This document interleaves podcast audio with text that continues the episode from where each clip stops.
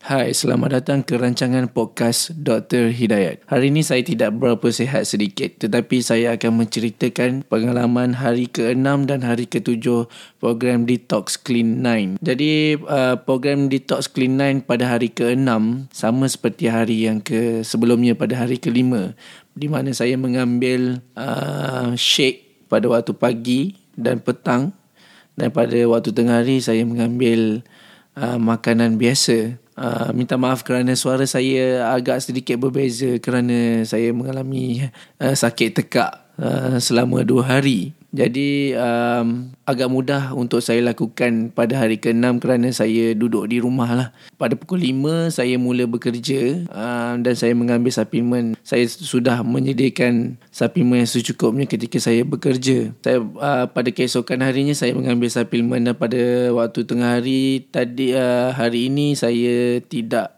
saya mengambil sedikit sahaja makanan. Saya mengambil uh, ikan dan pada waktu malam uh, saya pergi ke keluarlah bersama isteri. Jadi saya makan sate dan juga nasi lemak. Jadi pada hari ketujuh um, saya tidak mengikuti sepenuhnya program night. Tapi pada hari ke- keenam saya mengikuti sepenuhnya lah. Tapi uh, saya lihat pada hari ini apabila saya menurun uh, menimbang berat badan saya uh, berat saya kali ini adalah uh, 69.7 kg bermakna saya telah berjaya menurunkan 1.8 kg dalam masa 7 hari.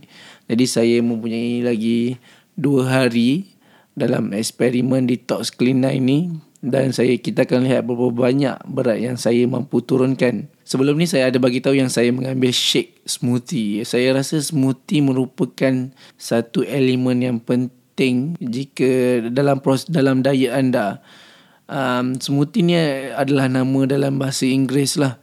Sebelum ni um, biasanya smoothie adalah apabila anda campurkan campurkan susu uh, dan juga ais. Lepas tu saya uh, campurkan um, uh, aminotin dan juga um, sedikit buah-buahan dan buah-buahan favourite saya adalah pisang lah.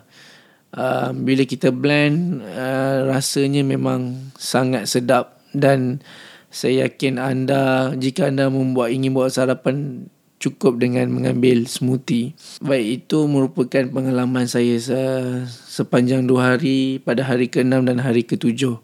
Jika anda ingin uh, jadi ada lagi dua hari uh, program ini, saya berharap saya dapat menurunkan berat badan dengan lebih banyak lagi. Jika anda ingin mengambil suplemen sama seperti yang apa yang saya ambil, uh, layari drhidayat.com slash FLP. Saya ulangi layari drhidayat.com slash FLP. Jika anda ingin mendapatkan, uh, jika anda ingin bertanya soalan apa-apa mengenai diet, layari drhidayat.com, isikan nama dan juga email anda dan anda maha akan mendapat tujuh hari program diet secara percuma dari saya dan di dalam email tersebut anda boleh bertanyakan sebarang soalan dan saya akan cuba menjawabnya di dalam podcast-podcast yang akan datang. Jadi itu sahaja daripada saya hari ini. Jumpa lagi anda di podcast yang akan datang. Terima kasih.